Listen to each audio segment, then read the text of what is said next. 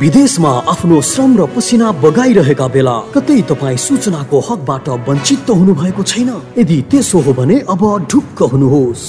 अब विश्वभर छरिएर रहेका नेपाली श्रमिकहरूमा सत्य तथ्य र निष्पक्ष सूचना प्रदान गर्ने हाम्रो अभियान। मलाया खबर हाइलाइट्स हरेक दिन साँझ मलाई खबर डट कम र मलाई खबरको फेसबुक पेजमा सुन्न नभुल्नुहोला।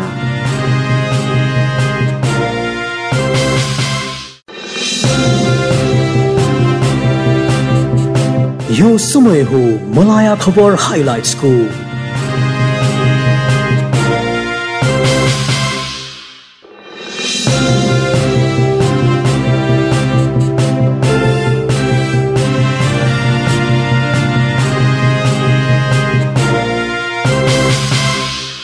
नमस्कार। विश्वभर छरिएर रहेका नेपालीहरूमा सत्य तथ्य र निष्पक्ष सूचना प्रदान गर्ने हाम्रो अभियान सामुदायिक रेडियो सराङकोट एक सय चार थुप्लो छ मेगा हर्सको सहकार्यमा मलाई खबर हाइलाइट्स लिएर म कमल पौडेल अथक उपस्थित भइसकेको छु। अब यस खबरका प्रमुख शीर्षकहरू।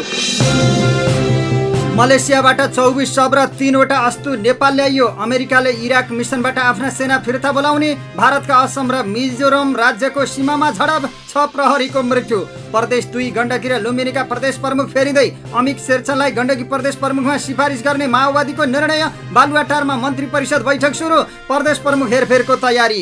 पूर्व सभामुख महरा उच्च अदालतबाट सफाई। मध्य पश्चिमाञ्चल विश्वविद्यालयमा प्राध्यापक पनि आन्दोलित। पन्चानब्बे बढी वडाका कङ्ग्रेस सदस्यले चौधौँ महाधिवेशन प्रक्रियामा सहभागी हुन नपाउने र कोरोना संक्रमण निरन्तर उकालो। आज एकै दिन थप बिस जनाको मृत्यु।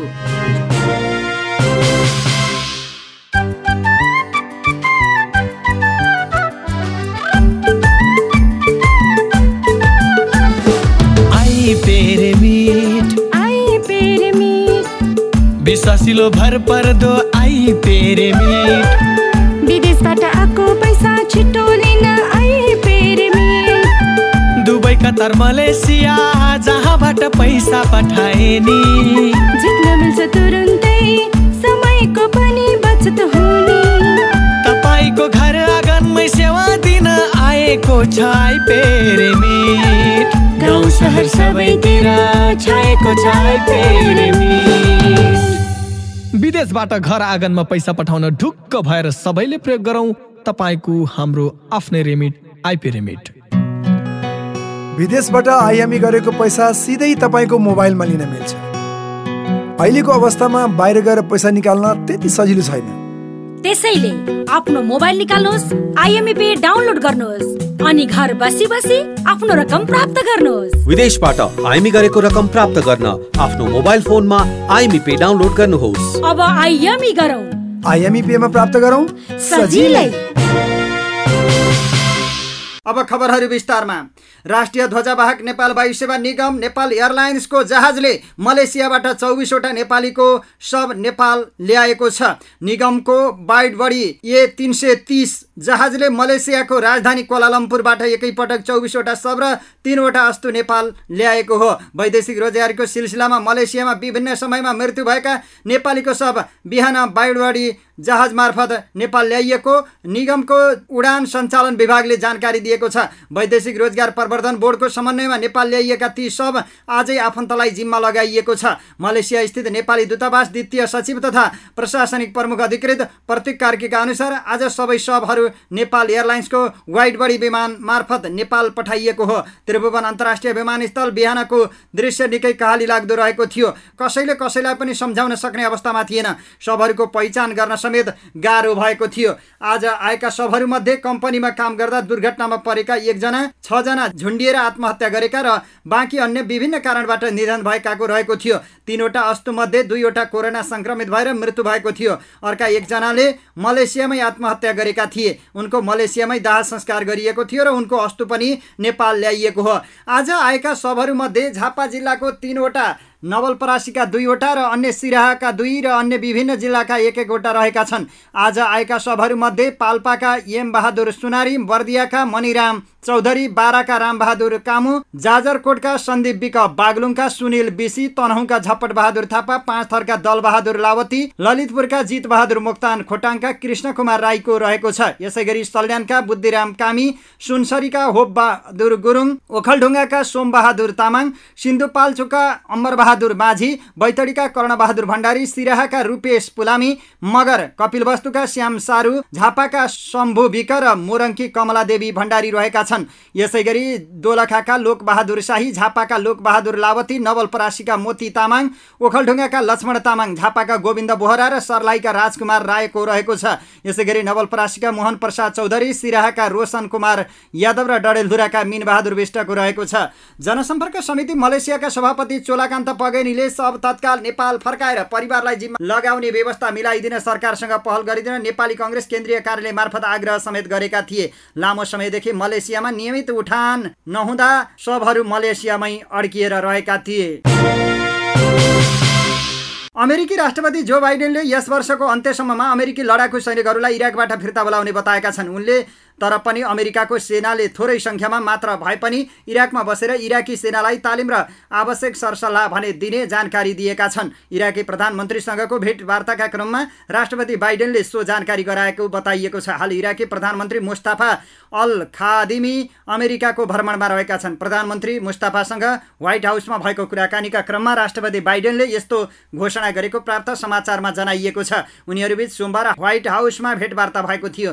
इराकमा हाल दुई हजार पाँच सयजनाभन्दा बढी अमेरिकी सैनिक रहेका छन्। इराकमा पछिल्लो समयमा इस्लामिक स्टेट नामक आतङ्ककारी समूहको उपस्थिति बढ्दै गएको बताइएको छ। हाल इराकमा रहेका अमेरिकी सैनिकहरूले इराकी फौजलाई इस्लामिक स्टेट लडाकुका विरुद्ध लड्न सहयोग गरिरहेको बताइएको छ। अमेरिकाको यो घोषणापछि पनि केही अमेरिकी सैनिक भने इराकमै रहने बताइएको छ। यो घोषणाको इराकले भने स्वागत गरेको छ। अमेरिकाले इराकी प्रधानमन्त्रीलाई सहयोगका लागि यो घोषणा गरेको हुन सक्ने अनुमान गरिएको बताइएको छ। इराकी प्रधानमन्त्री खादिमीले इराकमा कुनै पनि विदेशी सेना आवश्यक नरहेको बताएका छन्।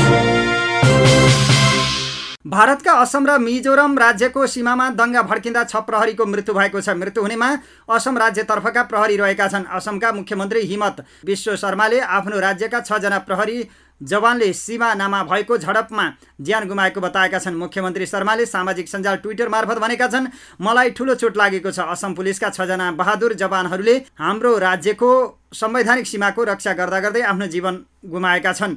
मारिएका प्रहरी जवानका परिवारप्रति समवेदना छ। सोमबार असम र मिजोरमको सीमा क्षेत्रमा सुरक्षा फौज र नागरिकबीच झडप भएको थियो। उक्त झडपमा फायरिङ समेत भएको भारतीय सञ्चार माध्यमहरूले जानकारी दिएका छन्। यो विषयमा असमका मुख्यमन्त्री शर्मा र मिजोरमका मुख्यमन्त्री जोरामथङ्गाले पनि सामाजिक सञ्जालमा एक अर्कालाई चर्को आरोप लगाउँदै आएका थिए। यद्यपि पछि उनीहरूबीच वार्ता भएको कुरा बाहिर आएको थियो। छ प्रहरी जवानको मृत्यु भए लगत्तै केन्द्र सरकारका गृहमन्त्री अमित शाहले दुवै राज्यका मुख्यमन्त्रीलाई त्यहाँ शान्ति स्थापना भएको कुरा सुनिश्चित गर्न आग्रह समेत गरेका छन्। मुख्यमन्त्री द्वय शर्मा र जोरा मथङ्गाले झडप भएको सीमा क्षेत्रमा केन्द्र सरकारले नै हस्तक्षेप गर्नुपर्ने राय प्रकट गरेका थिए।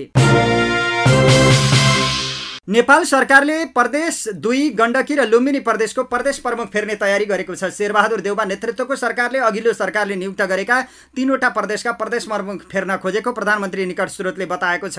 प्रदेश दुईमा राजेश झा अहिराज गण्डकीमा सीता पौडेल र लुम्बिनीमा धर्मनाथ यादव प्रदेश प्रमुख रहेका छन्। प्रदेश दुईमा तत्कालीन प्रदेश प्रमुख तिलक परियारलाई बर्खास्त गरेर गत फागुन सात गते अहिराज प्रदेश प्रमुख नियुक्त भएका थिए। त्यस्तै गण्डकी प्रदेशमा तत्कालीन प्रदेश प्रमुख अमित शेरचनलाई बर्खास्त गरेर गत वैशाख बिस गते पौडेल प्रदेश प्रमुख नियुक्त भएकी थिइन्। लुम्बिनी प्रदेशमा भने यादव दुई हजार छिहत्तर कार्तिक अठार गते प्रदेश प्रमुखमा नियुक्त भएका थिए। संविधान निर्माणसँगै प्रदेश संरचना बनेपछि तत्कालीन शेरबहादुर देउबा नेतृत्वको सरकारले सातै प्रदेशमा प्रदेश प्रमुख नियुक्त गरेको थियो। तर प्रतिनिधि सभा निर्वाचनपछि केपी शर्मा ओली प्रधानमन्त्री बनेपछि उनले त्यति बेलाका सातैजना प्रदेश प्रमुख फेरेका थिए। प्रदेश प्रमुखको नियुक्ति मन्त्री परिषदको सिफारिसमा राष्ट्रपतिले गर्ने संवैधानिक व्यवस्था रहेको छ।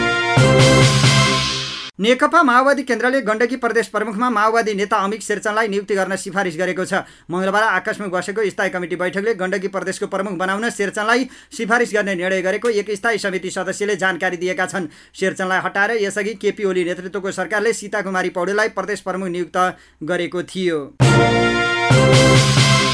प्रधानमन्त्री शेरबहादुर देउवाले मन्त्री परिषद बैठक बोलाएका छन्। प्रधानमन्त्री निवास बालुवाटारमा केही बेर अगाडिदेखि सुरु भएको हो बैठक। बैठकले प्रदेश प्रमुखहरूको हेरफेरको निर्णय गर्ने बताइएको छ। यसअघि केपी ओली नेतृत्वको सरकारले हटाएका गण्डकी र लुम्बिनीका प्रदेश प्रमुखहरूलाई पुनः नियुक्ति गर्न सत्ता गठबन्धनबीच सहमति भएको स्रोतको भनाइ छ। आजै माओवादी केन्द्रले यसअघि ओली नेतृत्वको सरकारले गण्डकी प्रदेश प्रमुखबाट हटाएका अमित शेरचनलाई नियुक्ति गर्न सिफारिस गर्ने निर्णय गरेको थियो। पूर्व सभामुख तथा माओवादी नेता कृष्णबहादुर महरालाई उच्च अदालतले जबरजस्ती करणी उद्योग मुद्दामा सफाई दिएको छ। मङ्गलबार उच्च अदालत पाटनले उनी विरुद्धको मुद्दाको सुनवाई गर्दै काठमाडौँ जिल्ला अदालतले यसअघि गरेको फैसलालाई सदर गरेको उच्च अदालत पाटनका रजिस्ट्रार गजेन्द्र बहादुर सिंहले जानकारी दिएका छन्। न्यायाधीश माधव प्रसाद पोखरेल र विमल सुवेदीको इजलासले महरा विरुद्धको मुद्दामा काठमाडौँ जिल्ला अदालतको फैसला सदर गर्ने फैसला गरेको हो। उच्च अदालतमा महरा विरुद्ध दुई हजार सतहत्तर पुस सत्रमा रिट दायर गरेको थियो। जिल्ला अदालत काठमाडौँको फैसलामा चित्त नबुझाएर सरकारी वकिलको कार्यालयले पुनरावेदन गरेको थियो। सभामुख रहेका बेला सांसद सचिवालयमा काम गर्ने कर्मचारीलाई जबरजस्ती करणी उद्योग गरेको भन्दै महरा विरुद्ध मुद्दा दायर भएको थियो। उक्त आरोपपछि दुई हजार छिहत्तर असौज चौध गते उनले सभामुखबाट राजीनामा दिनु परेको थियो भने असोज उन्नाइस गते उनी सभामुखको सरकारी निवासबाट पक्राउ परेका थिए। नेपाल राष्ट्रिय प्राध्यापक सङ्गठन मध्ये पश्चिमाञ्चल विश्वविद्यालयले मङ्गलबारदेखि अर्को चरणको आन्दोलन थालेको छ। विद्यार्थीहरूले एक सातादेखि आन्दोलन गर्दै आएको विश्वविद्यालयमा मङ्गलबारदेखि प्राध्यापकहरू समेत उपकुलपति प्राध्यापक डाक्टर नन्दबहादुर सिंह विरुद्ध आन्दोलनमा उत्रिएका हुन्। आफ्ना माग पुरा नभएपछि सङ्गठनले अर्को चरणको आन्दोलन थालेको प्राध्यापक सङ्गठनका अध्यक्ष सिंहराज गुरुङले बताएका छन्। नेपाली कङ्ग्रेसको क्रियाशील सदस्यता छानबिन समितिले आफ्नो प्रतिवेदन पार्टीलाई बुझाएको छ। रमेश लेखक नेतृत्वको समितिले मङ्गलबार बसेको पदाधिकारी बैठकमा आफ्नो प्रतिवेदन बुझाएको हो। समितिले बुझाएको प्रतिवेदनमा देशभरबाट आठ लाख चौन्न हजार सात सय एघारजनाले क्रियाशील सदस्यता पाए पनि केही जिल्ला र वडामा भने विवादका कारण सदस्य टुङ्गो लाग्न सकेको छैन। समितिले बुझाएको प्रतिवेदनमा धनुषाको क्षेत्र नम्बर चार र सर्लाहीको क्षेत्र नम्बर दुईको विवाद मिल्न नसकेको उल्लेख गरिएको छ। त्यस्तै बाह्र र सप्तरीको नयाँ सदस्यताबारे नेताहरूबाटै आवश्यक निर्णयका लागि समितिले अनुरोध गरेको छ। यस्तै सोलुखुम्बका पाँच सय पन्ध्रजना र बाह्रका एक सय छैसठीजनाको विषयमा पनि सहमति जुटाउन नसकिएकाले नेतृत्वलाई जिम्मेवारी प्रदान गरिएको छ। नवीकरणतर्फ सतहत्तरवटै जिल्लाको क्रियाशील सदस्यता टुङ्गो लगाएको समितिले नयाँ क्रियाशील सदस्यताबारे केही स्थानमा विवाद भएपछि त्यसको टुङ्गो लगाउने जिम्मा केन्द्रलाई नै सुम्पेको हो। विभिन्न जिल्लाका पन्चानब्बेवटा वडाका नयाँ क्रियाशील सदस्यले चौधौँ महाधिवेशन प्रक्रियामा भाग लिन नपाउने भएका छन्। पर्सा क्षेत्र नम्बर तिन धनुषा चार र सर्लाही दुईका क्रियाशील सदस्यबारे समितिले निर्णय गर्न नसकेर केन्द्रलाई नै जिम्मा लगाएको हो। पछिल्लो चौबिस घन्टामा नेपालमा तिन हजार आठ सय उनान्से सङ्क्रमित थपिएका छन्। सत्र हजार पाँच सय अठारजनाको परीक्षण गर्दा पिसिआर विधिबाट दुई हजार सात सय छब्बिसजना र एन्टिजेन विधिबाट एक हजार एक सय त्रिहत्तरजना सङ्क्रमित थपिएका हुन्। हालसम्म पिसिआर विधिबाट छ लाख पचासी हजार छ सय त्रिहत्तरजना र एन्टिजेन विधिबाट सन्ताउन्न हजार एक सय चौवालिसजना सङ्क्रमित भइसकेका छन्। यही अवधिमा एक हजार सात सय अठहत्तरजना सङ्क्रमणमुक्त भएका छन्। नेपालमा कुल सङ्क्रमितमध्ये छ लाख सत्तालिस हजार उनासीजना निको भएका छन्। नेपालमा निको हुने दर चौरानब्बे दशमलव चार प्रतिशत रहेको छ। कोभिड उन्नाइसको सङ्क्रमणबाट थप बिसजनाको मृत्यु भएको छ। एक दशमलव पाँच प्रतिशत मृत्युदर रहेको नेपालमा नौ हजार सात सय अन्ठाउन्नजनाको मृत्यु भइसकेको छ। हालसम्म चौतिस लाख बैसठी हजार तिन सय चालिसजनाले कोरोना भाइरस विरुद्धको पहिलो मात्रा खोप लगाएका छन् भने चौध लाख सन्ताउन्न हजार छ सय सत्तरीजनाले दुवै डोज खोप लगाइसकेका छन्। हवस् त अहिलेलाई मलाई खबर हाइलाइट्सको क्रम यही सकिएको छ। समाचार कक्षबाट म कमल पौडेल अथक बिदा चाहन्छु। नमस्कार शुभरात्रि। यहाँहरूको वैदेशिक बसाई सुखद रहोस्।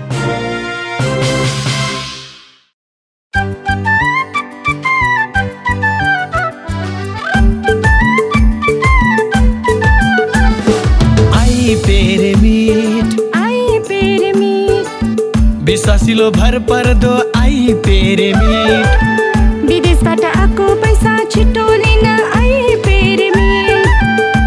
कतार मलेसिया जहाँबाट पैसा पठाए नि जित्न मिल्छ तुरुन्तै समयको पनि बचत हुने। तपाईँको घर आँगनमै सेवा दिन आए आएको छ